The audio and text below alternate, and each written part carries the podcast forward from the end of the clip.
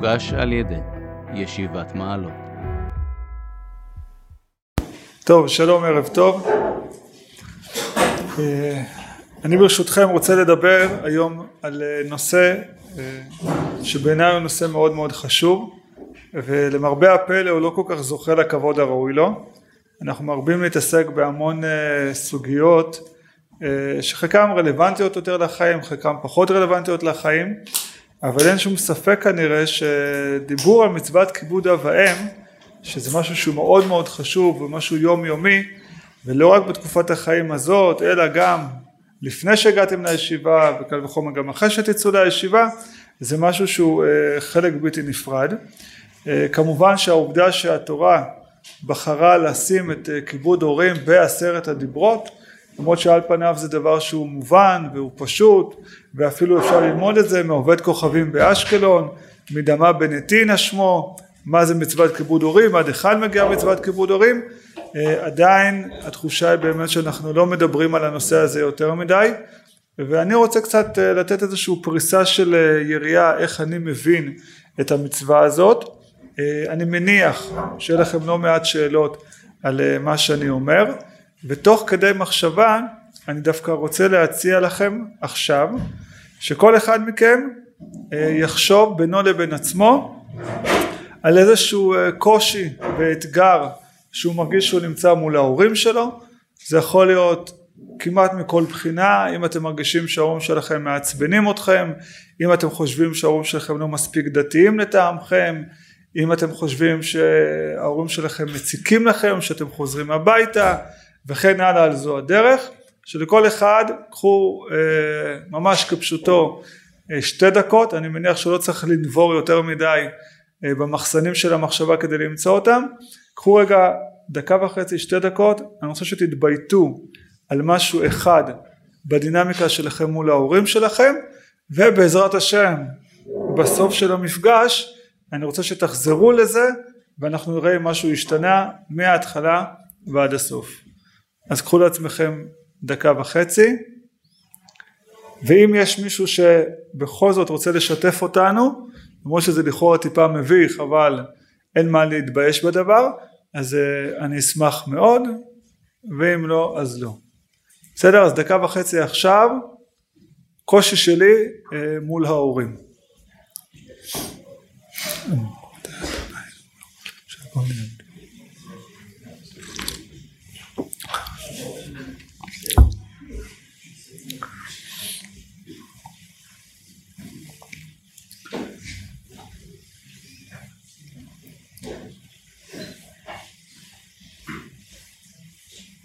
בסדר? כולם יש להם משהו בראש? מי שאין לו משהו בראש שיחפש, לא לוותר. אלא אם כן אין לכם שום בעיה עם ההורים שזה אם ככה אתם צריכים לשבת פה ולא שם.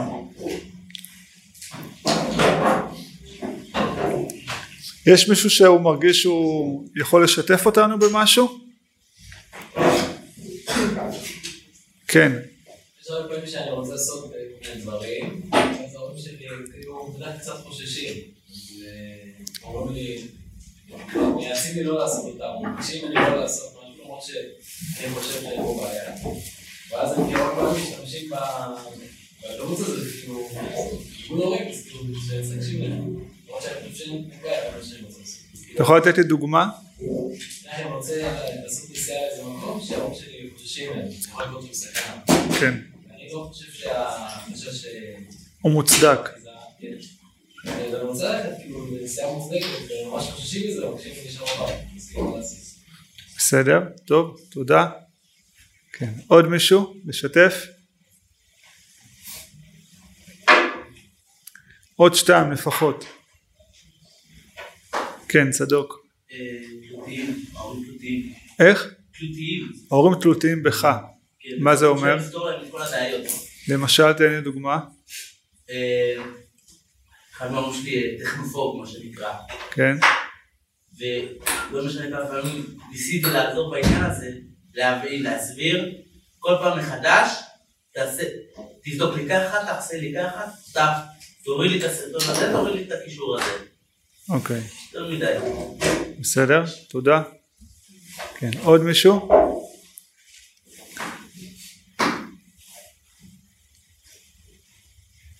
עוד אחד.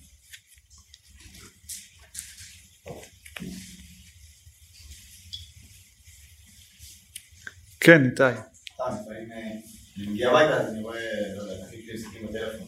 ואני רוצה, לא יודע, להגיד להם, לא יודע, דברים כאלה, ואז ש- שלפעמים, אם אם אני מגיד להם, אז יש טאקר, ואז ההורים כועסים עליי, אני מבין, אבל מה, אני חושב שזה דבר נכון. או שאם אני לא, אבל אני אומר, אמא, אמא, תגיד להם. זאת אומרת, אה, נו, נראה לי זה בסדר, בטוח, כאילו, במאה אחוז, בצורה אחרת, או לא יודע, להגיש את זה בצורה אחרת, ואני בטוח לגמרי, שהיא טועה. כן, טוב, בסדר, בסדר. רק ארשום לי שאני לא אשכח.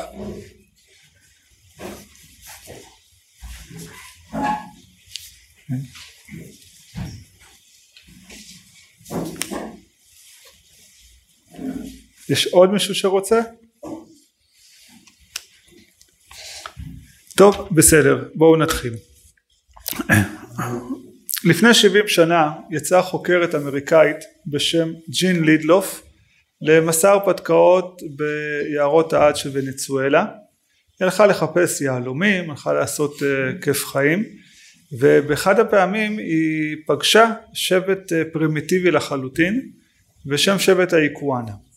היא הייתה מישהי ככה אנתרופולוגית שהלכה ובדקה כמה וכמה תרבויות בעולם ובאופן די מדהים מה שהפתיע אותה מאוד במפגש עם אותו שבט זה שהיא הרגישה שהיא פוגשת את הילדים הכי מאושרים שהיא פגשה אי פעם בחיים שלה.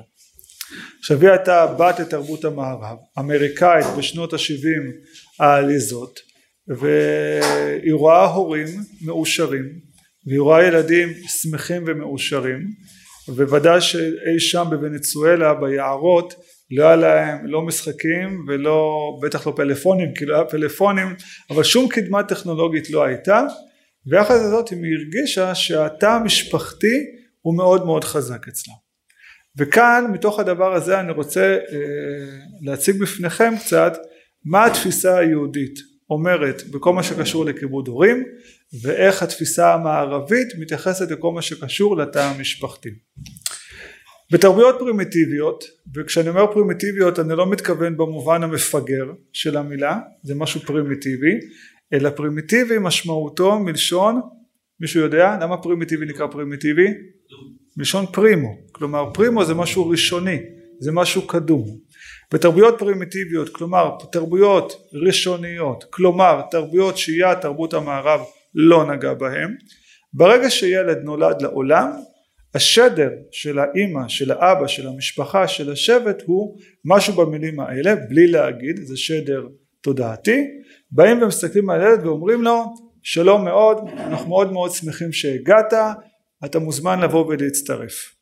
אצלנו במשפחה ובשבט חיים בצורה כזאת וכזאת אתה תהיה חלק מאיתנו ולאט לאט אתה תלמד את המטלות, את המשימות, מה אנחנו עושים, מה אנחנו לא עושים ואתה תהיה כל הזמן בעמדה של למידה ואתה מוזמן להצטרף אלינו. לכן אמא פרימיטיבית אין לה עכשיו שלושה ארבעה חמישה חודשים של חופשת לידה היא די מאוד מהר צריכה לבוא ולחזור לעבודה לא שאני נגד לזה שאישה תהיה עם חופשת לידה אבל מה שהיא עושה זה שהיא אחרי לידה והיא צריכה לגדל תינוק. אז אין בייביסיטר ואין שמרטפות ואין מטפלת ואין משפחתון. אז מה שעושים הנשים הפרימיטיביות מה הן עושות? הן שמות את הילדים שלהם על הגב. עכשיו באופן הזה השדר שהילד מקבל הוא שדר מדהים. כי השדר הוא אומר אני ממשיכה לחיות את החיים שלי כי יש דברים שאני צריכה לעשות לטובת הבית, המשפחה וכולי. אתה חלק בלתי נפרד ממני. כשאתה תצטרך לאכול אני אאכיל אותך כשתצטרך שאני אחליף לך אני אחליף לך. אבל אני ממשיכה להתנהל בחיי ואתה תהיה פה על הגב תשמע את הקולות תריח את הריחות תטעם את הטעמים ולאט לאט תלמד לאן אתה עתיד להצטרף. זו התפיסה הפרימיטיבית הרגילה כאשר אנחנו מגיעים לתרבות המערב מכל מיני סיבות שלא נפרט אותן יותר מדי עכשיו ברגע שילד מגיע לעולם השדר הוא שלום אדוני המלך אנחנו כאן לשירותך 24/7 ברמה כזו או אחרת החיים שלנו נעצרו ואנחנו איך אומרים מקווים שנשרוד אותך בשלום. אמרו לנו שיש תקופה משוגעת שנקראת גיל ההתבגרות פעם זה היה מגיל 13 עד גיל 18 היום זה כבר מגיל 9 עד גיל 24-30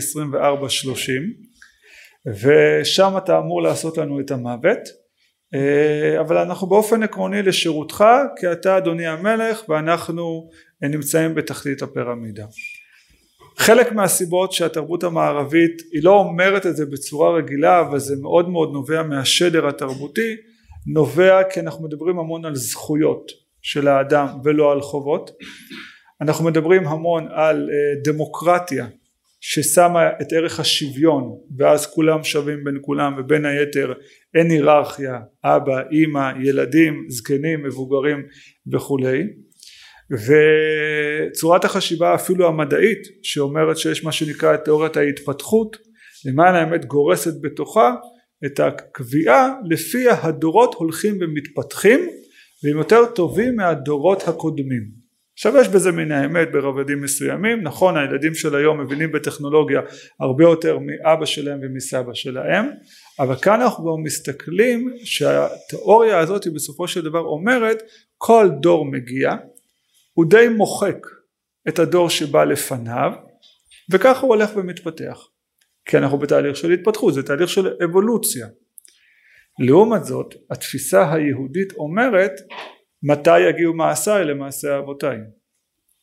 וכשאנחנו רוצים אנחנו סמוכים ונראים לט"ו בשבט וכל הילדים הביאו את אילן אילן במה אברכך אנחנו נגיד לו בסופו של דבר כל נטיעות שנוטעים ממך יהיו כמותך. זאת אומרת במבט של התפיסה היהודית הילדים מסתכלים אל ההורים והם צריכים להצטרף אל ההורים לכן יש מצוות עשה דאורייתא כבד את אביך ואת אמך ואין שום מצוות עשה לא דאורייתא ולא דרבנן כבד את בנך ואת בתך. תרבות המערבית מן הסתם אתה מנסחת את זה אחרת לגמרי. כלומר אם אני מסכם את מה שאמרתי כשילד נולד בעולם המערבי אמריקאי אירופאי ישראלי לחלוטין שלום אדוני המלך מה אפשר לעזור? אנחנו באים בגדול להצטרף אליך ברגע שילד נולד בתרבויות פרימיטיביות שהיא תרבות המערב לא נגע בהם אז השדר הטבעי והנורמלי היא שמחים מאוד שהגעת אתה מוזמן להצטרף.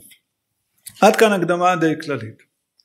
מה זה כיבוד הורים בעיני התורה? כשאני שואל מה זה כיבוד הורים בדרך כלל אז אנשים יבואו ויגידו כיבוד הורים זה לקום כשאבא אה, נכנס לחדר זה להקשיב למה שהם אומרים זה לעזור להם אה, בהכנות לשבת כל אחד אה, והדוגמאות שלו. אבל המילה כבוד יש לה ביטוי מעשי זה נכון גם בדיבור וגם במעשה אבל היא קודם כל צורת הסתכלות. כבוד זה הערכה פנימית שאדם רוכש למישהו. לא מדובר רק במעשה חיצוני. המעשה החיצוני הוא סימן לאותה תחושת כבוד שאני מרגיש מבפנים כמו שכותב רבי אברהם דנציג זצ"ל בעל החיי אדם בסימן ס"ז שהוא מדבר על כיבוד הורים הוא אומר ויהיו נדמים בעיניו כגדולי ואדוני הארץ ואף על פי שהם לא כאלה אבל בעיניו שהוא הבן שלהם יהיו דומים כגדולי ואדוני הארץ. חז"ל אומרים יש מי שמטחין את אביו בריחיים ויורש גן עדן. יש מי שמאכילו פסיוני ויורש גהנום. מן הסתם למדתם את זה בבגרויות. תוספות כבר מביא את הסיפור. יש מי שמטחינו את אביו בריחיים ברגע שפקודת המלך אומר אחד מבני המשפחה צריך לבוא ולטחון בריחיים הבן אומר לאביו אבא אני אלך לעבודת המלך אין נסוף לך תדע מתי אני אחזור מהמילואים. אתה תשב ותטחן פה בריחיים של הבית כדי שיהיה קמח ופרנסה והוא יורש גן עדן ולעומת זאת יש אחד שמאכילו את אביו פסיוני עוף שמן עוף טעים ויורש גיהנום. כי אומר לאביו אבא אבא אכול ושתוק. כי דרך הכלבים לאכול ולשתוק. כלומר במילים אחרות כיבוד הורים שהירושלמי אומר עליה באופן די מפתיע שהיא מצוות עשה חמורה שבחמורות ולא קל לקיים אותה. היא בסופו של דבר היחס הנפשי שבו אני מסתכל על ההורים שלי. הקדוש ברוך הוא ברא היררכיה מאוד מאוד ברורה. הוא שם את אבא שלי הוא שם את אימא שלי הוא שם אותי למטה. וממילא התנועה שבה אני צריך להסתכל על ההורים שלי תמיד ולעולם תהיה במבט של מלמטה למעלה. מה שעשתה לנו תרבות המערב היא אמרה לנו בסופו של דבר לא רק שאתה לא צריך להסתכל על ההורים שלך מלמטה למעלה למען האמת אתה בקלות יכול להסתכל עליהם בגובה העיניים ויותר מזה הם יכולים להיות פה ואתה יכול להסתכל עליהם מלמעלה. ולכן אתה יכול להיות שיפוטי, אתה יכול להיות ביקורתי, אתה יכול להיות אה, מבין יותר במובן המעליב של המילה ואתה יכול גם לשפוט את המקום שבו הם נמצאים וכמעט מכל בחינה אחרת.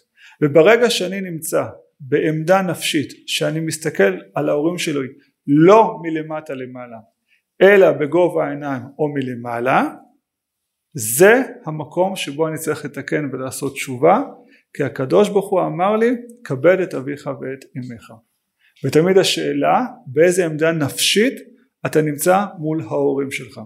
אם אתה שופט אותם אם אתה מבקר אותם אם אתה כועס עליהם אם יש לך כל מיני קולות בראש וכל מיני הגדרות שהם לא מבינים והם לא יודעים במובן הטיפה מזלזל של הדבר אתה יכול לעשות כל מה שהם אומרים. מבפנים אתה לא מכבד נגמר הסיפור. אתה לא מכבד את אבא ואימא כי כיבוד הורים זה קודם כל כמו שאמרתי זה להסתכל עליהם כמו שכתב החיי אדם ידמו בעיניו כגדולי הארץ. עכשיו עד כדי כך שחז"ל אומרים שבגמרא בקידוש מדף ל"ב אם היה רואה את אביו עובר על דברי תורה במילים אחרות אתה מאוד מאוד בטוח שאתה צודק והוא עושה טעות אל יאמר לו אבא עברת על דברי תורה אבא כך כתוב בתורה אלא מה אמור לו? אבא ולא כך וכך כתוב בתורה רש"י כותב ואביו מבין מדעתו ופורש זאת אומרת אתה יודע במאה אחוז שאבא שלך טועה אתה לא בא ומוכיח אותו ואומר לו אבא אתה לא מבין מה אתה עושה? אבא אתה לא מבין שזה לא נכון? אבא אתה עובר על דברי תורה? אלא תגיד לו אבא והלא כך כתוב בתורה. אבא והלא כך לימד איתנו שכתוב בתורה. מה זה משנה? אבל בשורה התחתונה אתה רוצה להגיד או לרמוז לאבא שלך שהוא טועה. זה בדיוק הנקודה. כשאני אומר לאבא שלי אבא אתה טועה אז אני שופט אותו. ואני נמצא בעמדה של הצודק והוא בעמדה של הטועה ובמעמד הזה אני נמצא למעלה והוא נמצא למטה. גם כשאביו עובר על דברי תורה ולפי דעת מרן בשולחן ערוך ביורה דעה בסימן רשמם בסעיף קטן י"ח יש מצווה לכבד גם אם אביו הוא אדם רשע. זה חידוש בפני עצמו אבל אם אני רואה את אבא עובר על דברי תורה אני עדיין ביני לבין עצמי צריך לשמור על העמדה הנפשית אתה למעלה אתה אבא שלי.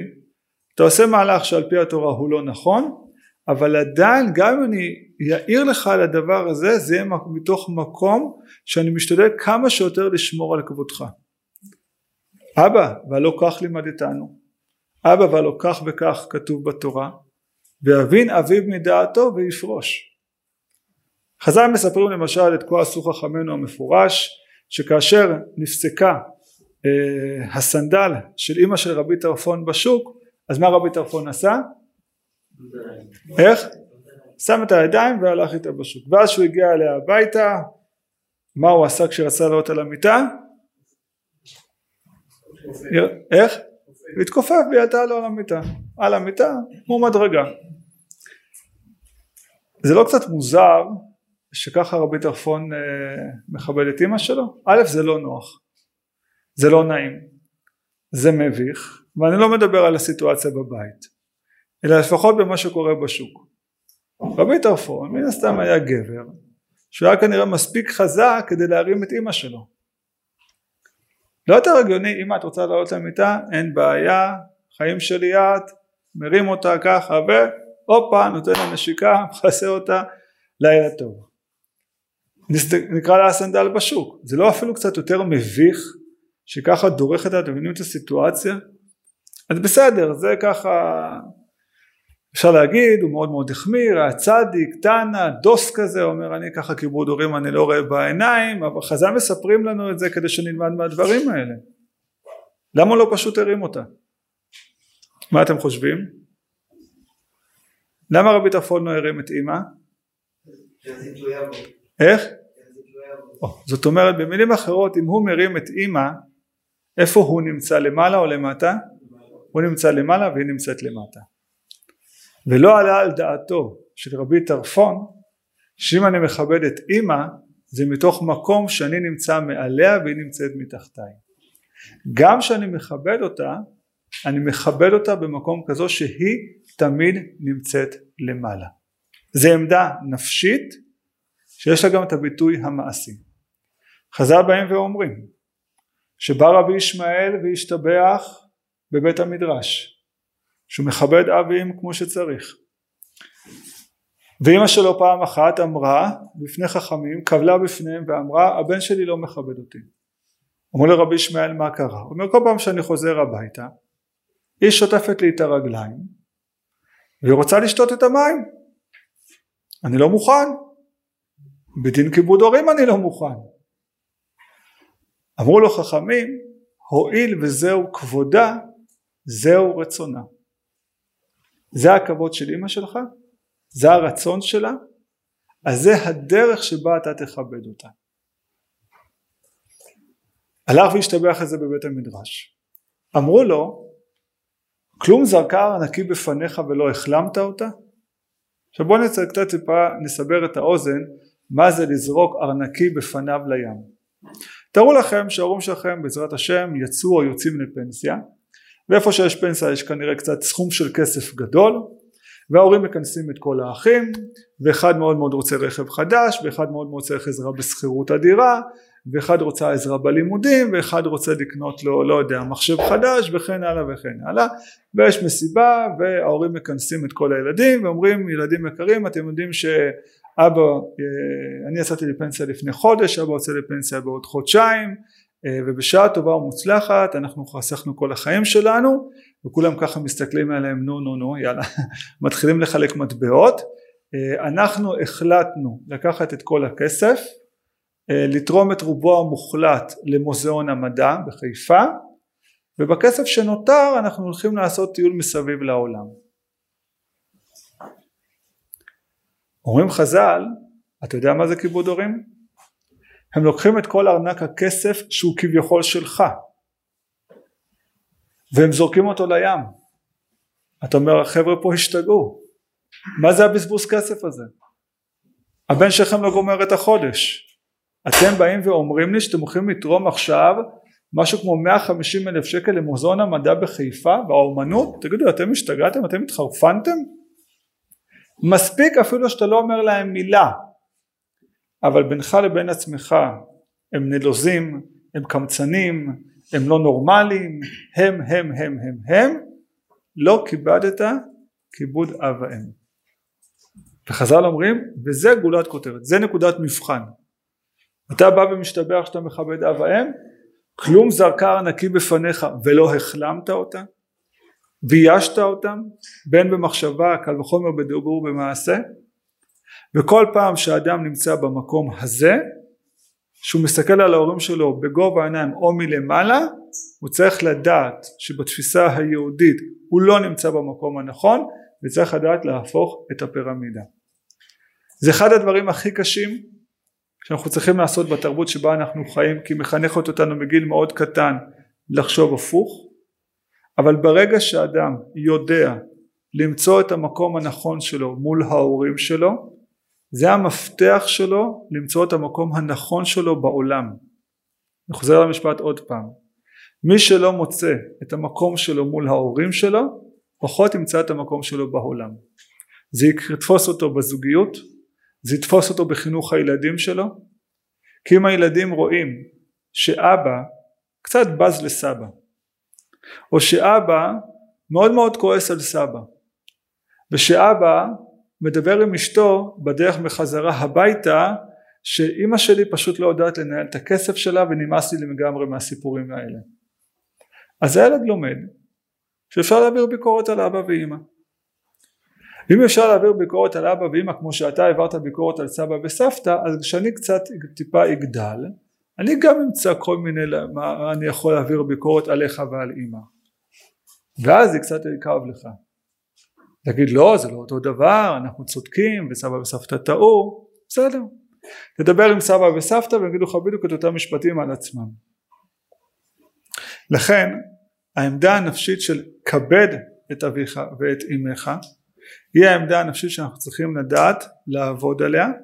זה מאוד מאוד קשה מצד אחד אבל ברגע שמבינים את המקום שלי ואיפה שהקדוש ברוך הוא שם אותי אין לכם משהו יותר פשוט מהדבר הזה. אני רוצה לספר לכם סיפור.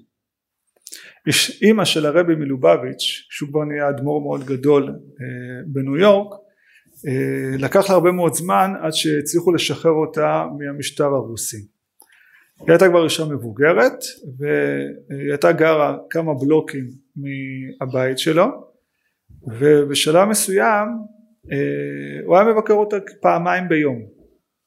הרבי מלובביץ' זצ"ל היה אדם מאוד מאוד עסוק עם פעילות מאוד מאוד ענפה כידוע. פעמיים ביום הולך לבקר את אמא. ובאחד הפעמים אה, התקרב יום הכיפור והיא רצה להתפלל בבית המדרש של החסידים והיא באה לבן שלה ואמרה שהיא חושבת שיהיה לה מאוד קשה ללכת ולחזור וללכת ולחזור במהלך הצום באישה מבוגרת והיא מאוד הייתה שמחה אם אפשר לארגן לה מקום בקרבת uh, הבית מדרש. הרבי קרא למשמש שלו ואמר לו אמא שלי uh, מתארחת uh, בבית המדרש ביום הכיפור תיכנס לחדר היחידות שלי שזה החדר קודש הקודשים מבחינתם אף אחד לא נכנס לשם חוץ מהרבי ותסדר לה מיטה. של הנוח של הטוב זה הכי קרוב זה בתוך בית המדרש זה חלק מהמבנה הכללי זה הכי מעולה בשבילה. טוב הוא הולך ומסדר לה מיטה והוא בא והכל מאוד נקי שם מאוד מסודר שם זה החדר יחידות והוא בא לרבי והוא אומר לו הרב יש מיטה והכל מסודר ואימא של הרבי יכולה לבוא. אני רק אשמח לדעת אה, איפה לשים את הנעליים שלה. כי עקרונית לא נכנסים עם הנעליים ל, ליחידות. אז הרבי מחב"ד הסתכל עליו ואמר לו את הנעליים של אימא שלי תשים על השולחן.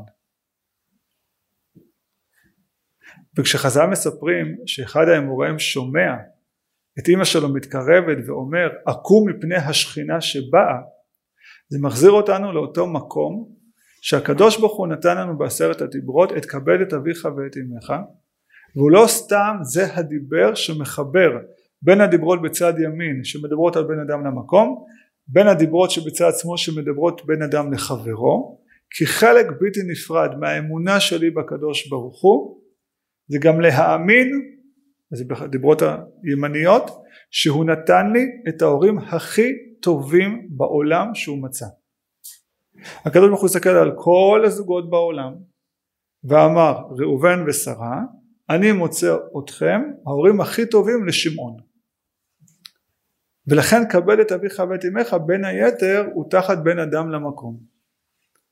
והמקבילה של כבד את אביך ואת אמך בצד השני זה האיסור לא תחמוד כי כשאדם חומד הורים אחרים אז זה מפתח מאוד מאוד גדול לא להכיר את מקומו במילה לחמוד עוד כמה דברים בעולם ולא רק דווקא את ההורים. זה בתמצית הסיפור של כבד אביך ואת אמך. הדבר הזה הוא עד כדי כך עמוק בנפש ובזה אני ככה אסגור את הפינה ואתם מוזמנים לשאול שאחד השאלות המעניינות שהראשונים והאחרונים שואלים זה על הפסוק באחר הדברים האלה והאלוקים נישא את אברהם זה מאוד יפה שעקדת יצחק הייתה ניסיון לאברהם אבל עם כל הכבוד יצחק באותו גיל היה בן 37 שואלים ראשונים שואלים אחרונים למה עקדת יצחק הייתה ניסיון לאברהם ולא הייתה ניסיון ליצחק? גיל 37 למה נו רק לאברהם?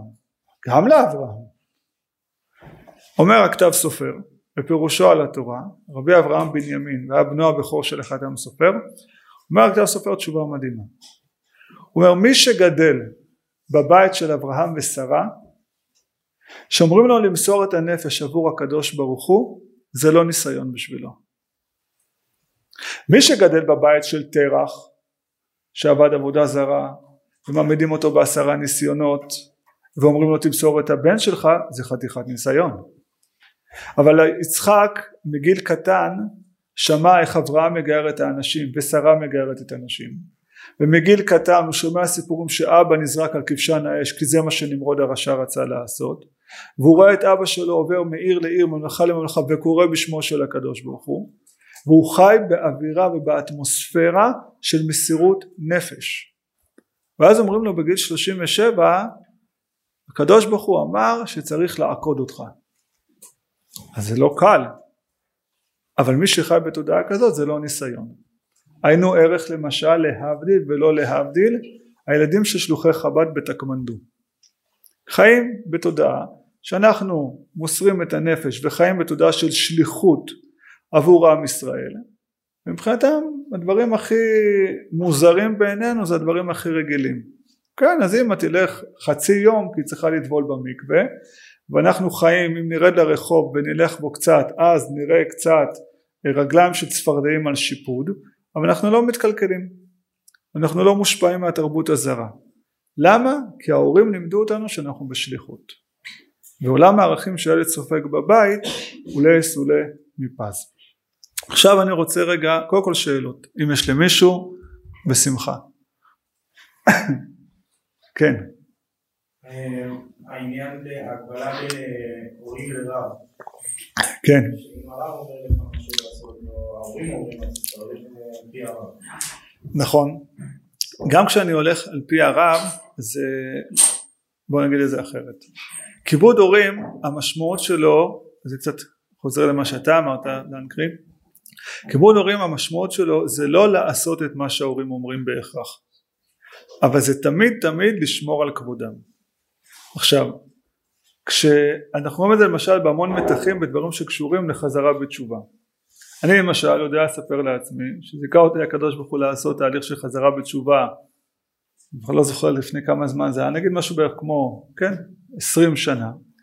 ולצערי החזרה בתשובה שלי הייתה אה, חלק ממאבק באבא שלי. כלומר לא חזרתי בתשובה כדי לעצבן אותו. אבל התהליך של החזרה שלי בתשובה היה מלווה במאבק עכשיו תשימו לב מה קורה פה. ההורים שלך חינכו אותך על דרך מסוימת. אתה בגיל מסוים באת והתפלקת להם. אמרת לא אני מאמין במשהו אחר. זה קודם כל פגיעה בהורים.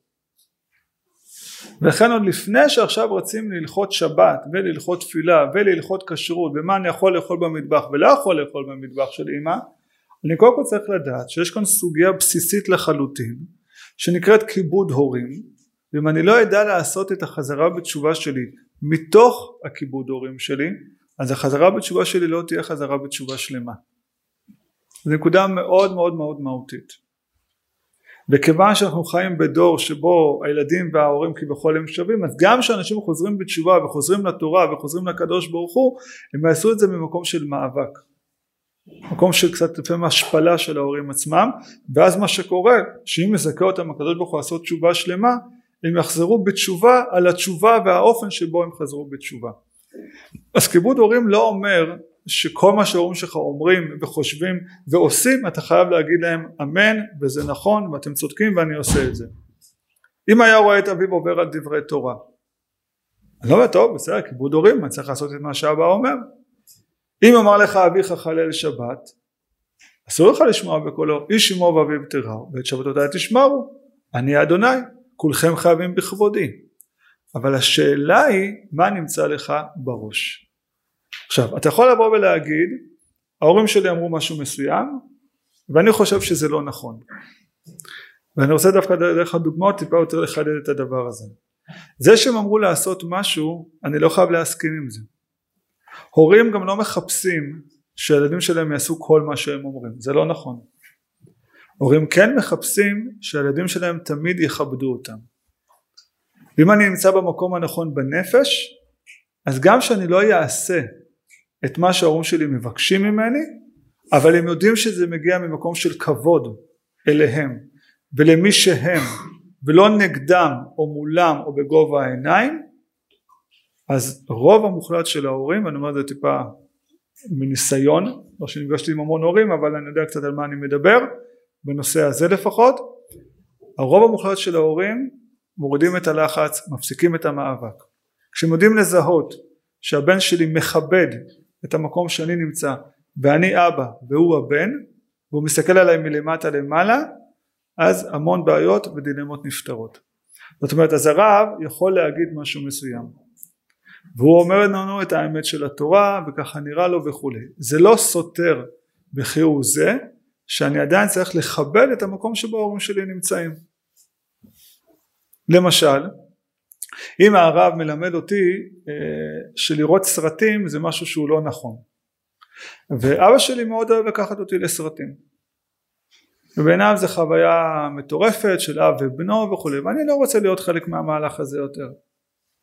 אז אם אני נמצא בעמדה טוב אבא שלי אין מה לעשות הוא מזרוחני כזה והוא לא זכה לאור התורה כמו שאני זכיתי והוא לא מספיק דתי והוא לא רציני וגם התפילה שלו קצת מצ'וקמקת אה, והוא גם מדבר בתפילה וכן הלאה וכן הלאה אה, אז אני לא נמצא במקום הנכון.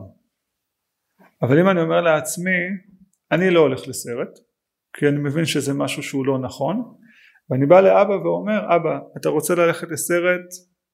זה בסדר גמור אתה יכול ללכת תעשה מה שנראה לך לנכון אני אה, מרגיש שזה לא נכון עבורי ואני מעדיף שלא נלך ביחד. אולי נעשה משהו אחר ביחד מה אתה אומר? אתם יודעים שזה מנגינה אחרת לגמרי? כי זה מה שנמצא לך מבפנים. זה לא סמנטיקה.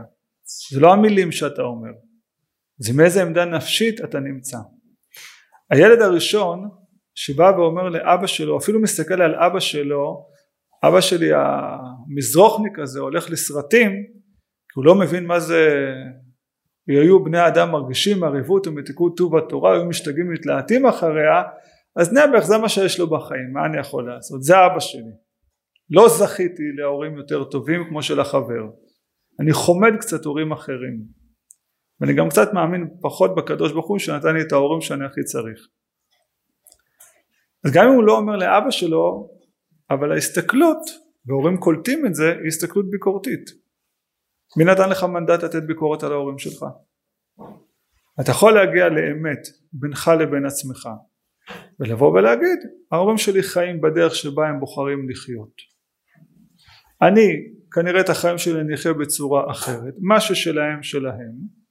אם אבא שלי יצא ללכת לסרט אני יכול להסביר לו באופן מכבד אמיתי שאבא אני תרבות הסרטים מעדיף שזה לא יהיה יותר מנת חלקי. אולי נעשה משהו אחר. אולי נלך לבאולינג אולי אנחנו נאכול ביחד מה אתה אומר? אולי נלך לחוף הים אולי נלך אולי נלך הרוב המוחלט 98% מההורים שיזהו וישמעו שהבן שלהם מכבד אותם באופן אמיתי ילכו איתו. או שלא ילכו איתו אבל הם לא יתבאסו עליו הם לא יכעסו עליו והם לא יכריחו אותו הם לא יצעקו עליו וכולי כשהורים מגיבים בעמדות שהן קצת תוקפניות זה סימן שכנראה יש משהו בהתנהגות של הילד שהוא לא היה מספיק מדויק מול הקדוש ברוך הוא וממילא גם מולם בסדר? כן. שאלות? משהו? כן. יש, אה, כמו שאיתי קצת הזכיר במדרש בויבי, גם את העניין עם האחים. נכון. הרבה פעמים אתה רוצה גם להשפיע עליהם בצורה שנראית לך לטובה. כן. זה לא בסתירה למה שההורים חושבים לטוב. נכון. אז איפה שם זה... איך שם אתה צריך לראות? שתי תשובות כמו שאמרתי אם אתה אה, נתחיל דווקא מה, מהתשובה השנייה מי קיבל מנדט לחנך את אחים שלך ההורים. ולא אתה אז מי צריך לחנך אותם ההורים. יפה קודם כל כבר קיבלת תשובה. עכשיו אתה חושב שמה שהם לא עושים מה שהם עושים זה לא נכון. אם אתה נמצא בעמדה שאתה נותן ביקורת על הדרך החינוכית של ההורים שלך אז אתה לא נמצא בעמדה הנכונה. אבל זה לא סותר למשל את העובדה שאתה רוצה שהאחים שלך יתעסקו בדבר חיובי ואז אתה יכול לבוא ולהגיד לעצמך בלי קשר להחלטות החינוכיות של ההורים שלך כי אז אתה נמצא למעלה והם נמצאים למטה ואתה שיפוטי כלפיהם. אם אתה שיפוטי אז אתה מעליהם. אתה יכול לבוא ולומר או להורים שלך או לעצמך או לאחים שלך תקשיבו נורא מפריע לי שאתם משחקים בפלאפונים אני קצת חושב שזה קצת שטויות. מה אתם אומרים? בואו נצא איתכם אה, לגן שעשועים בואו נלך לשחק כדורגל וכדורסל ביחד אני יכול להשפיע עליהם דברים טובים אבל את המימד של הביקורת כלפי ההורים נשים בפח בעיקר זה הצורה. כאילו. העיקר זה מה שנמצא בראש ומה שנמצא בראש מקרין על הדיבור, מקרין על המחשבה, מקרין על המעשה, מקרין על הכל. כלומר אני שוב, אני לא חייב להסכים עם מה שההורים שלי אומרים, אבל א' אין לי שום מנדט לתת להם ביקורת, הקדוש ברוך הוא שם אותי למטה במהות ואותם למעלה, ויותר מזה אם אני כן מוצא דברים שהם בעיניי לא נכונים בסופו של דבר, אני יכול לעשות המון דברים בלי השפיטה הביקורתית. בסדר? ולזכור שהם ההורים וגם אתה קיבלת את החינוך שלהם וכנראה בסופו של דבר יצאת בסדר. הורים תמיד רוצים בטוב של הילדים שלהם, אל תתבלבלו. כן, נמשיך קצת את הכיוון של הראל. הרב אמר שהמנדט על החינוך האחים הקטנים זה על ההורים ולא עליך. נכון, אם אני רואה את האחים שלי הקטנים, מסתכלים על ההורים למעלה. אתה צריך, אחד אני צריך להעיר. נכון. מצד שני, ברגע שאני מעיר, ההורים כועסים עליי שאני כביכול מחנך את האחים שלי. לא, אתה יכול לבוא ולהעיר לאחים שלך ולבוא ולהגיד להם אה, אל תדבר ככה לאימא. עכשיו אם אימא תגיד לך אל תתערב אז אני חוזר לסיפור שאימא רוצה לשתות את המים של הרגליים והואיל וזהו כבוד רצונה זהו כבודה. אמא אמרה לך אל תתערב אל תתערב זה הכיבוד הורים שלך. עכשיו מרוב שאתה מתעסק בכיבוד הורים שלהם אתה שוכח את הכיבוד הורים שלך. הכיבוד הורים שלך זה אל תתערב.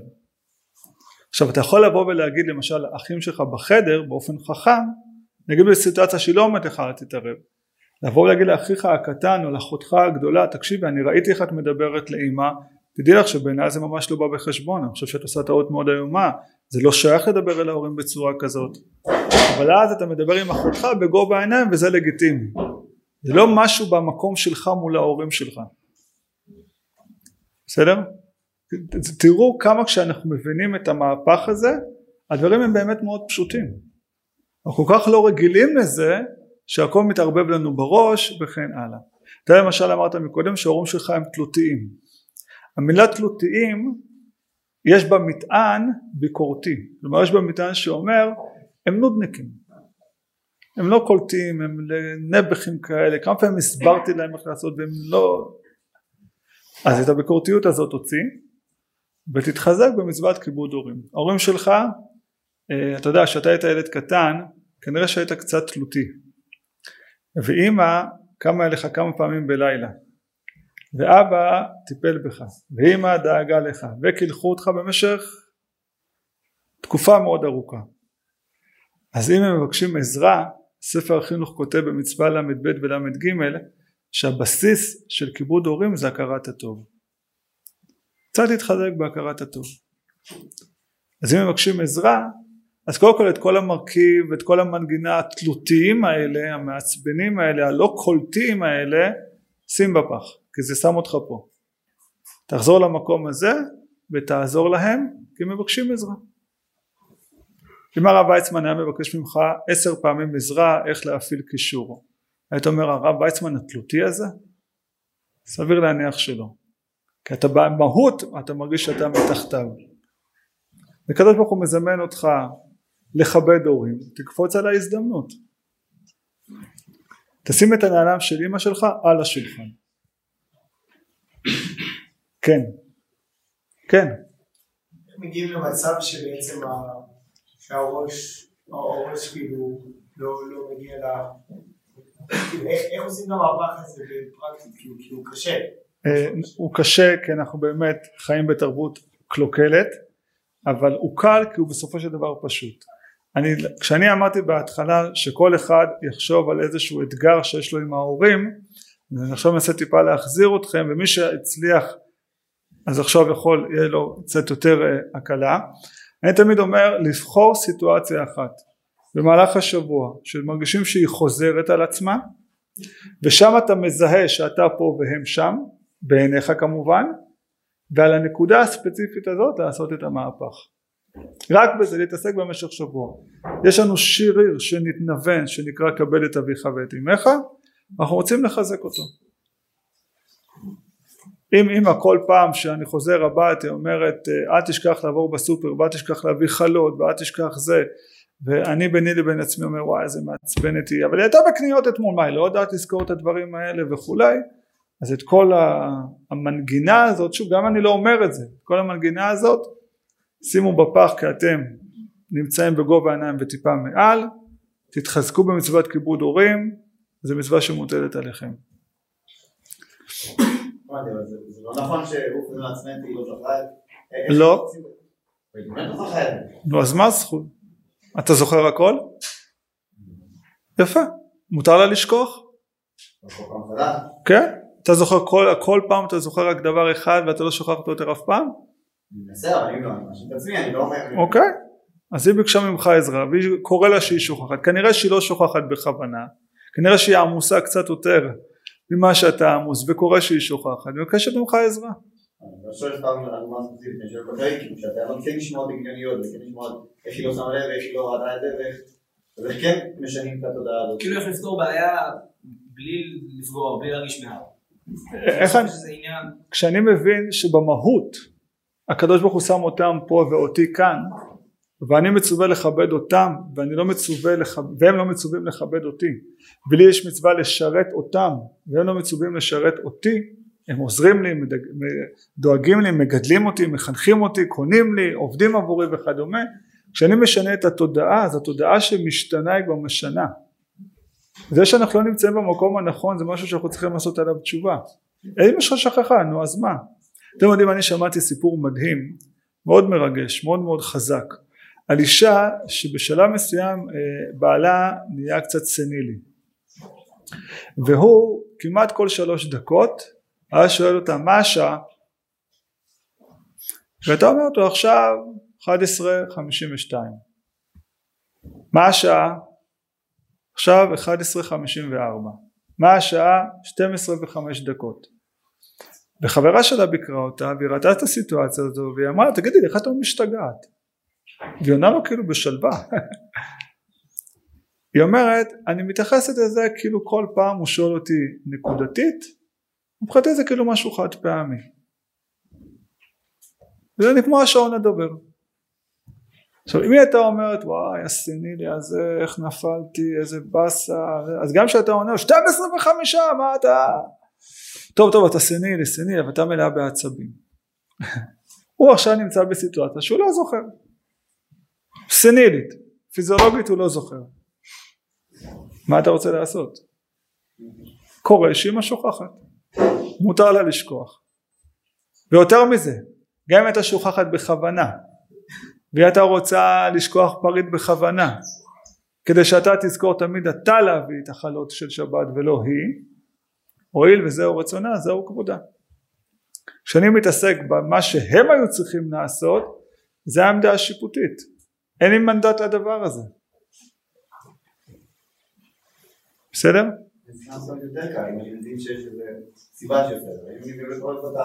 כאילו, לא. החיסרון שלה לא אמור לעניין אותך. אתה לא אמור להתעסק בזה שבוע. נכון אז אתה הולך כל פעם לקיים מצוות כיבוד הורים אני כשאני מגיע להורים שלי אני אה, אחרי סעודת שבת משתדל לעזור ולנקות ואימא שלי אומרת אה, היא אומרת לי מה אתה עושה? אני אומר לה עד שאני בא לפה פעם בחודש וחצי את רוצה לקחת את זה ממני? אז היא אומרת לך לך לך לך לך תנוח אז אם אני מבין יותר טוב ממנה אז אני אגיד לה לכי את תנוחי אבל אם אני כבודה זהו רצונה ורצונה זהו כבודה אז זה מה שהיא גזרה עליי. עכשיו שוב אני יכול לבוא ולהגיד לה אמא תקשיבי זה באמת בסדר אני רוצה אני שמח זה חשוב לי לעזור לך אני לא נמצא פה הרבה ועד שאני מגיע טרחת מאוד הרבה ואני אשמח דווקא אם תשבי על כיסא עם כוס תה ואני בינתיים אסדר ואשטוף את הכלים וכן הלאה וכן הלאה. כשהורה מרגיש שהילד שלו לא נמצא בעליו אלא מתחתיו הוא יותר נוטה לקבל את הדברים שלו ואם עדיין תבוא ותגיד לך לך בספה זה עליי, מה פתאום, אתה לא עושה פה שום דבר, אתם אורחים שלי, היא רוצה לשתות את המי רגליים, הואיל וזהו רצונה, זהו כבודה. לא צריך להתעסק בחסרונות שלה. אני בלא מעט שנים למשל יודע לספר שהיה לי מאוד קשה מההתנהלות הכלכלית של אמא שלי. הרגשתי שהיא עושה טעויות, והיא עושה טעויות, מה זאת אומרת? כאילו יש עובר ושב, זה לא ספקולציות. בשלב מסוים שהבנתי מה זה כיבוד הורים אמרתי לעצמי החשבון הכלכלי של אמא שלי זה שלה זה לא שלי ואם היא רוצה לקחת את ארנקי ואת ארנקה ואת המאה חמישים מאה שישים אלף שקל של הפנסיה שלה ולתרום למוזיאון המדע היא עושה טעות בעיניך אבל היא עושה טעות נגיד אובייקטיבית. זה שלה ולא שלך. אם אתה תחלים אותה אפילו במחשבה לא קיימת מצוות כיבוד הורים. אתם מבינים למה אמר הירושלמי שזה מצווה תעשה חמורה שבחמורות? סך הכל ללכת לסופר להביא עגבניות מה הבגדים זה לא רק מה אתה עושה זה באיזה מקום אתה נמצא. וכשהתורה אומרת למען יאריכון ימיך אז זה לא רק מלשון אריכות ימים ארוכה בלשון הקודש זה גם מה? מרפא כשאדם יודע לכבד את ההורים שלו הוא מביא רפואה לחיים שלו מי שיודע למצוא את המקום שלו מול ההורים שלו הוא יודע גם למצוא מקום מול החברים שלו מול אשתו יודע מה המקום שלו מול הילדים שלו יודע למצוא את המקום שלו בכלל בעולם שאלות נוספות? מישהו שלא היה כן. האם יכול להיות מצב כזה שגם למרות שאתה אומר בצורה כאילו שאתה מתחתן והכל? אתה לא אומר אתה חושב אתה יודע. כן אתה בתור תוכך אתה באמת אומר את זה ויכול להיות שההורים למרות שאתה עושה ככה הם כאילו חושבים שהם מכירים אותך יותר טוב ממך ואומרים לא זה טעות אתה לא, אתה לא מבין מה אתה עושה אתה לא יודע מה אתה אומר ובכל זאת הם ככה חושבים כאילו מכירים אותך יכול להיות, אני חושב שככל שהאדם יותר מדייק את עצמו מול ההורים שלו אז בדרך כלל הם לא ייכנסו איתו למאבק. וגם אם אומרים לו תקשיב אתה צריך לעשות כך וכך אז למען האמת אתה לא חייב להקשיב להם. אתה תמיד חייב אבל כן לכבד אותם. במיוחד כשבני זוג מתחתנים אז ההורים יש להם קצת יותר נטייה לתת עצות ותקשיב תעשו ככה ותקבלו ככה ותעבוד במקצוע כזה ותחשוב על תפקיד כזה תחשוב על החיים וכולי גם מצד הכרת הטוב וגם מצד ניסיון החיים אני יכול להקשיב להם. למה לא? הם אנשים חכמים באמת מכירים אותי הרבה מאוד פעמים יותר טוב ממה שאני מכיר את עצמי. וגם אם לא תקשיב להם. זה לא אומר שבהכרח אתה חייב לעשות את מה שהם אומרים. ועוד משהו?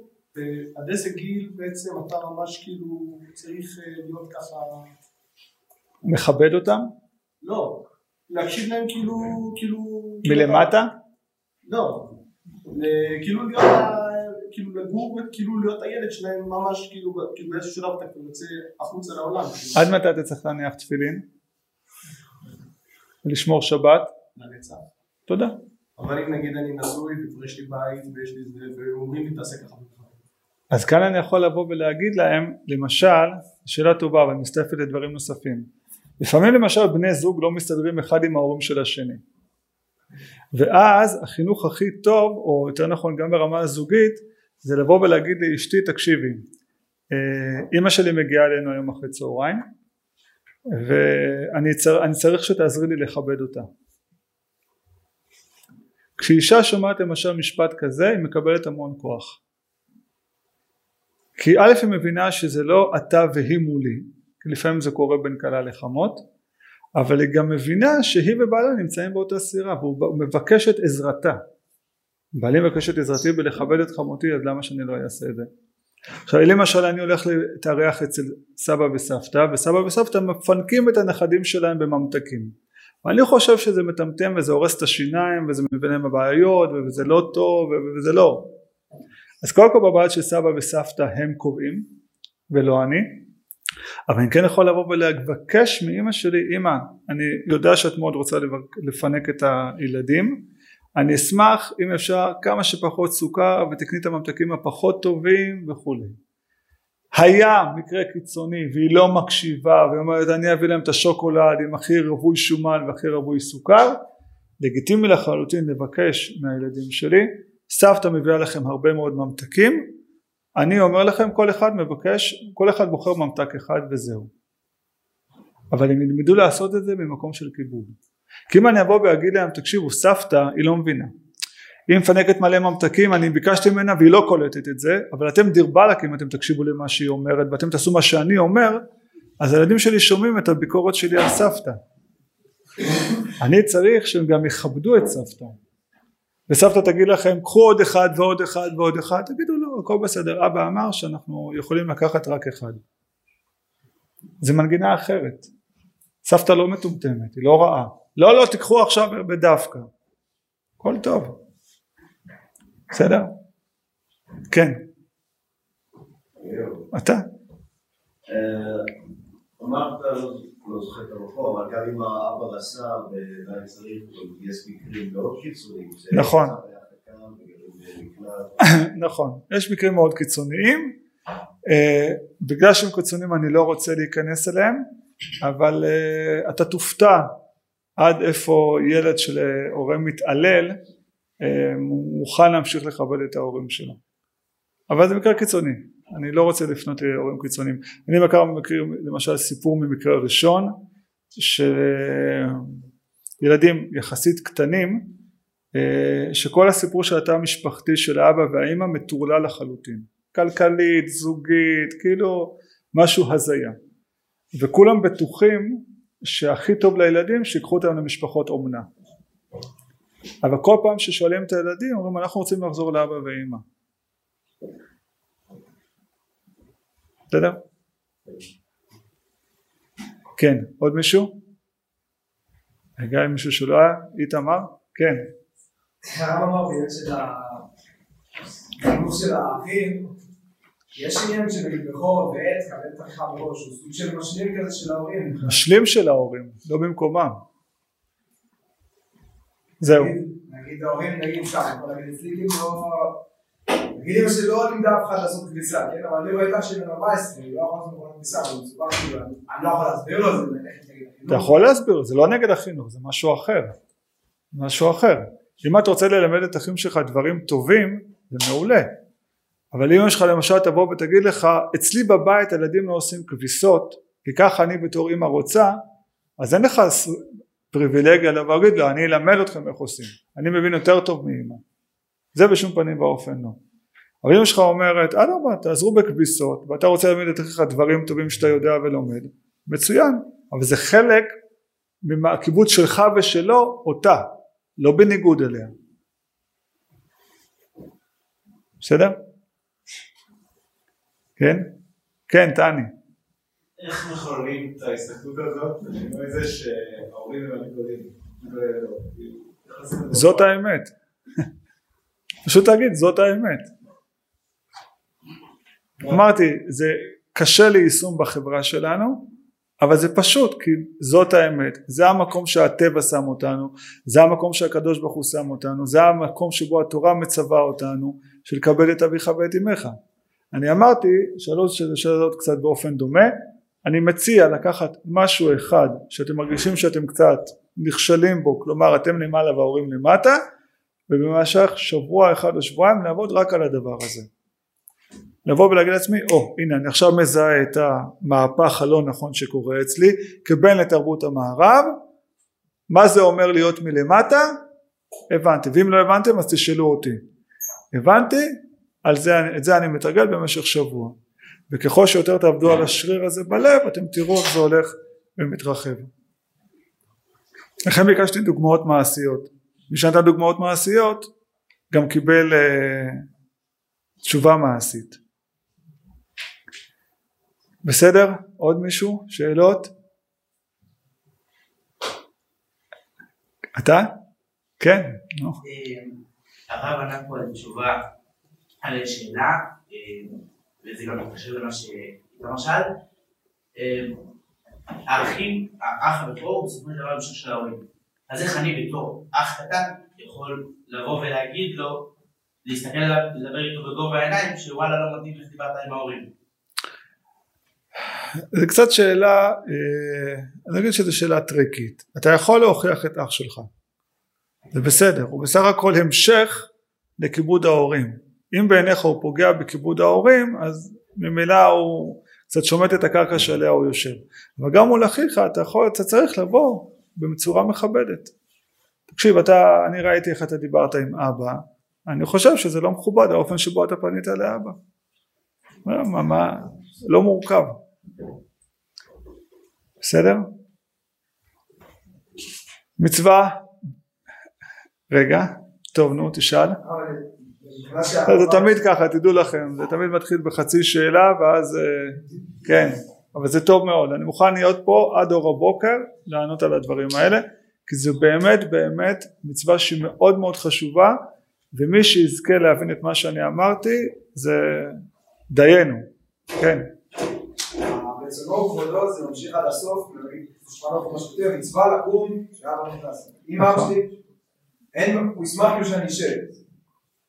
אב שמחל על כבודו, כבודו מחול. אם אני יכול להמשיך את השאלה, אם החינוך שהם השרישו בי זה חינוך שהוא, כאילו זה החינוך שמה שאמרנו שהוא קצת יותר קלוקל, אבל זה רצונם. אם זה למשל דברים שקשורים לאיסורים אז אנחנו לא עושים את זה. כי כבד את אביך ואת אמך איש אמו ואביו תירא הוא יאמר לך אביך חלל לשבת אתה לא מקשיב לו.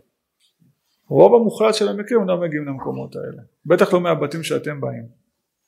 בסדר הורים הם נורמליים הורים הם טובים הם רוצים בטובתכם. אל תהפכו אותם לשאלות בית מדרשיות. כן לא? כן.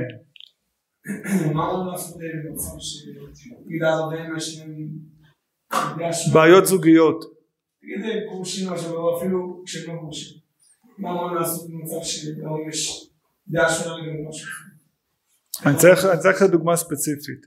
אם יש למשל יש מתחים בזוגיות בין הורים, אז המתחים בין הזוגיות של ההורים הם של ההורים. ולא שלך, לא לתפוס עמדה, לא לשפוט אף אחד מההורים וכן הלאה. ואם אחד ההורה, טיפה דברים פחות רגילים, אבל אם אחד מההורה משתף אותך בדברים שהצד השני עושה, אתה מקסימום יכול להקשיב, אני מבין, נכון, זה באמת קשה, מקווה שתסתדרו, ואם צריך עזרה במשהו אז אני, כאילו זה שלכם לגמרי, ואני פה וכולי. אבל לא להיות בעמדה של אה, את באמת צודקת אבא השתגע. זה לא שלכם. אבא רוצה שתעשה משהו ואמא רוצה משהו איך? אבא רוצה להגיד לעשות משהו שתעשה משהו ואמא אז זה גמרא מפורשת. אם אמו אומרת לו משהו ואביו אומר לו משהו הוא צריך להקשיב למה שאבא אומר כי הוא ואמו חייבים בכבוד אביו. בסדר? אם זה גרושים אז בוא נגיד תביאו מקרה ספציפי ונדבר עליו כי שם זה טיפה כבר משתנה. אבל באופן עקרוני זה, זה המהלך. העיקר הוא לא להיכנס לביניהם. זה שלהם והם יפטרו או חלילה לא יפטרו אבל זה לא מונע ממני להיות בעמדה הנפשית שלהם. אם השולחן ערוך פוסק שאני צריך לכבד אבא רשע אז קו החומר שאני צריך לכבד את אבא גם יש לו מתחים עם אימא כן שאלו את זה פעמיים, אפילו שלוש, אבל עוד פעם, לא יש לי נקודה איך להתקרב עם זה להבנה נכונה, כאילו, ללמד את עצמי לחשוב. מה, בקטע של טעויות למשל? כן. אז אני אומר, אני מה שאני אומר לעצמי זה שהטעויות שלהם זה שלהם, זה לא שלי. אני מה המצווה שלי? לא לחנך אותם ולא להגיד להם איפה הם טועים ואיפה הם צודקים. אם הם שואלים אותי וצריכים ממני עזרה זה כבר אולי משהו. אבל המצווה שלי שגם אם אימא זורקת את הארנק שלה לים לי יש מצווה להמשיך לכבד אותה. ואם היא תשאל אותי מה אתה חושב על זה שאני יכול לזרוק את הים? אני יכול להגיד לה אימא תקשיבי נראה לי שזה כדאי שתשקיעי את הכסף במקומות אחרים אבל כאילו זה, זה מדרגה כבר לבוא ולהגיד לה כזה ולא להחלים אותה. אבל כשאני מבין באמת את המקום שלי היא עושה טעויות. היא זורקת ארנק לים. אין אפס שזה מה תורמת למוזיאון הבוטניקה? יש קצת דברים יותר חשובים בעולם. בוא נראה אם אתה לא תחלים אותה שם ואז יש לך מה להתהדר בכיבוד הורים. אז אני לא מתעסק בטעויות שלה ובהחלטות שלה כי זה שלה ולא שלי אני מתעסק בחלק שלי והחלק שלי זה לכבד אותה זה לא בהכרח להסכים עם מה שהיא אומרת אבל זה לכבד אותה מבחינת דיבור זה קל יותר, איך אני מרגיש, ולא יודע, סתם אני אגיד משהו יותר קל. ואני לא יודע, עוד עבוד השבת, ואז ראיתי משהו שלמדתי אחד בהערכה, ולא בסדר לעשות. אז אני אמרתי את זה, בסדר, סבבה, אני פעם הבאה, אני חוזר שלושה שבועות עוד פעם, עוד טעות, זה באסה. איך עכשיו מבחינה המצב בתוכי, כאילו עכשיו בהרגשה, אני מרגיש לא, אני בטריליון, סבבה, הכל טוב, רק אני לא בסדר, אני צריך להתנתק מה שעשיתי. אתה יכול לבוא ולהגיד לעצמך או שוב אם זה דברים שקשורים כבר משהו שאתה כבר לא יכול לאכול אבל נגיד אני מניח שזה לא המצב אז אתה אומר טוב זה הבית של אמא שלי. אמא שלי מנהלת את איך שהיא מוצאת לנכון. אני אמרתי לה כי אני למדתי לא כי הוכחתי אותה אלא כי אני למדתי ואני רוצה שהיא תלמד והיא תדע גם. היא מחליטה לעשות להמשיך במה שהיא עושה. זה שלה זה לא שלי. זה לא מוריד ממנה. אז שזה לא יוריד. זה מוריד כי אתה נמצא מעליה בתודעה שלך. אתה מתעסק בטעויות שלה. אין לך מנדט להתעסק בטעויות שלה אתה מה המצווה שלך? לכבד אותה זה תלוי במשהו? בתנאי שהם לא עושים טעויות? לא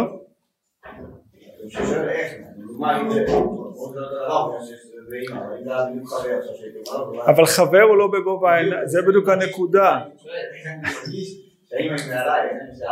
אז אמרתי אני מציע באמת לעשות את התרגיל של לקחת סיטואציה אחת ולתרגל את זה שם ולהגיד לעצמי אני מרגיש שאני פה תעשה את המהפך שזה ככה. דברים קטנים אפילו לא דברים שככה וזה לתרגל. לתרגל שריר שיתנוון אה, לתרבות המערבית. ותדעו לכם זה מצד אחד הכי קשה ומצד השני זה באמת הכי קל כשקולטים בדיוק את המקום שאני צריך להיות בו. כן אני לא רוצה עוד להחזיק אז בואו נסכם שאחת ואם מישהו רוצה עוד שאלה אה, כן. מה?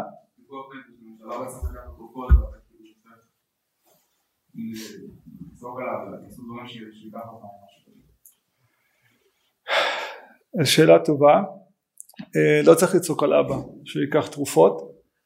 אה, אבל אפשר בהחלט להביע את הדאגה שלך מעומק הלב. למשל אפילו למה להגיד מציאות של פיקוח נפש? אבא מבקש שתקנה לו אה, סיגריות. ואבא מבקש שתקנה לו משקאות אלכוהוליים. ואתה יודע שזה מאוד מזיק לו באופן ספציפי. אז אה, לבוא ולהגיד לאבא אבא אני מאוד מאוד אוהב אותך ואתה יקר לליבי אני מרגיש שאני לא יכול לקנות לך סיגריות כי אני מאוד מאוד דואג לך אני אשמח שלא תבקש את זה ממני אם אפשר. אני מניח שהורה נורמלי ישמע מהמשפט הזה לא אין לי סיגריות. לא וואו איזה בן גידלתי. עכשיו בסופו של דבר אה, פיקוח נפש זה הואיל וזהו רצונה זהו כבודה. וזה יכול להגיע גם לסיטואציות מאוד קיצוניות. בסדר? אני למשל אבא שלי בשנים האחרונות המצב הבריאותי שלו הוא לא מאה אחוז ואני כל הזמן עוזר משתדל אני בעצמי וגם מול אחים שלי לעזור להם להבין זהו רצונו זהו כבודו הוא לא רוצה לעלות לבית חולים אז לא מעלים אותו לבית חולים. וכשאבא שלי מזהה שהילדים שלו הם איתו ולא נגדו אז זה קצת יותר עוזר לו לעלות לבית חולים גם אם הוא לא אוהב את הרעיון. אבל כשהוא מחליט שהוא לא מוכר אז הוא לא עולה לבית חולים אם זה שוב יהיה מקרה מאוד מאוד קיצוני של פיקוח נפש ואשפוז בכפייה ודברים כאלה אז בסדר זה כבר רוב החיים הם לא שם. זה כבר תעשו שאלות רבה. בסדר? טוב כולנו צריכים להתחזק לעניות דעתי במצווה הזאת. התורה מבטיחה למען יאריכון ימיך ולא רק במובן הזה שנחיה עד גיל 80 90 120 שנה וכולי בהקשר הזה אני רוצה לספר עוד סיפור אחד היה יהודי שלפני 30 שנה שכחתי את השם שלו הרופאים אמרו לו אפילו לפני 50 שנה אני חושב שלא נותר לו עוד הרבה זמן לחיות וגילו לו איזושהי מחלה והוא צריך להתחיל אה, להיפרד מן העולם. וזה בא עליו אה, כרעם ביום בהיר והוא לא ידע מה לעשות. כלומר אני הולך לקבל ברכה מהחזון איש. עכשיו זה לא בתנאים של היום בסדר, תפוס קו כזה, מובית, רכבת פה, רכבת שם, קצת נסיעה, חצי יום אתה אצל גדול הדור. היו צריכים לקחת, קודם כל הוא היה אדם מאוד עני, אז הוא היה צריך לקחת הלוואה, וההלוואה הזאת הייתה צריכה לקחת מונית, והמונית הייתה צריכה להוביל אותו לאוטובוס, בתנאים לא תנאים, בטרטור, והוא יכול להגיע לבית של החזון איש, ויכול להיות שהחזון איש גם לא בבית, אין טלפונים, שעות קבלת קהל, תבדוק באינטרנט מתי הרב מקבל, דבר עם ההוא, שלח לו הודעה, הכל מאוד מאוד מאוד אה, מיושן. והוא השקיע על זה גם הרבה מאוד כסף וגם הרבה מאוד אה, זמן. ובסוף הוא הצליח להגיע לבית של החזון איש והוא סיפר לו שהרופאים אמרו כך וכך ואני באתי לרב לקבל ברכה. והחזון איש אמר לו תגיד לי כמה כסף עלה לך כל הביקור הזה? לא יודע משהו כמו 100 200 אה, רובל המון כסף, לקח לי, לקחתי הלוואה, הייתי צריך להגיע לרב, מונית, אוטובוסים, התרתרתי, אני גם מאוד עייף, אבל כאילו ברכה מהרב, אני חייב שהרב יברך אותי. הוא אומר, תגיד לי, מתי הפעם האחרונה ביקרת את ההורים שלך וקנית להם משהו? הוא אומר, לא יודע רב, אני לא, לא, לא זוכר. אומר, הקדוש ברוך הוא הבטיח בתורה שמי שמכבד אב ואם זוכה לאריכות ימים ושנים, זה הבטחה של הקדוש ברוך הוא. אתה באת אליי, שהברכה שלי ספק מתקיימת ספק לא מתקיימת. שמה שאתה עושה עבורי זה לא דאורייתא ולא דרבנן. אתה מבקש ממני ברכה. אתה לא חושב שיותר כדאי להשקיע את כל הכוח והאנרגיה אצל אמא שלך שגרה כמה מטרים ממך בבלוק? מה תתחזק בכיבוד הורים. מה אתה משקיע כל כך הרבה כסף וזמן כדי לבוא לקבל ברכה? יש לך הבטחה מהקדוש ברוך הוא ואז הוא החליט שהוא באמת מתחזק בכיבוד הורים וברוך השם חי עוד עשרות שנים קדימה בזכות כמובן בין היתר הברכה של אותו צדיק שעורר אותו למקום הנכון. אז ההורים שלנו אה, הם אה, הכל בשבילנו ואנחנו צריכים המון המון כבני התרבות המערב לדעת למצוא את המקום שלנו להסתכל עליהם מלמטה למעלה ואז נזכה לרפואה ולאריכות ימים ושנים טובים בכל התחומים אמן ואמן. לילה טוב.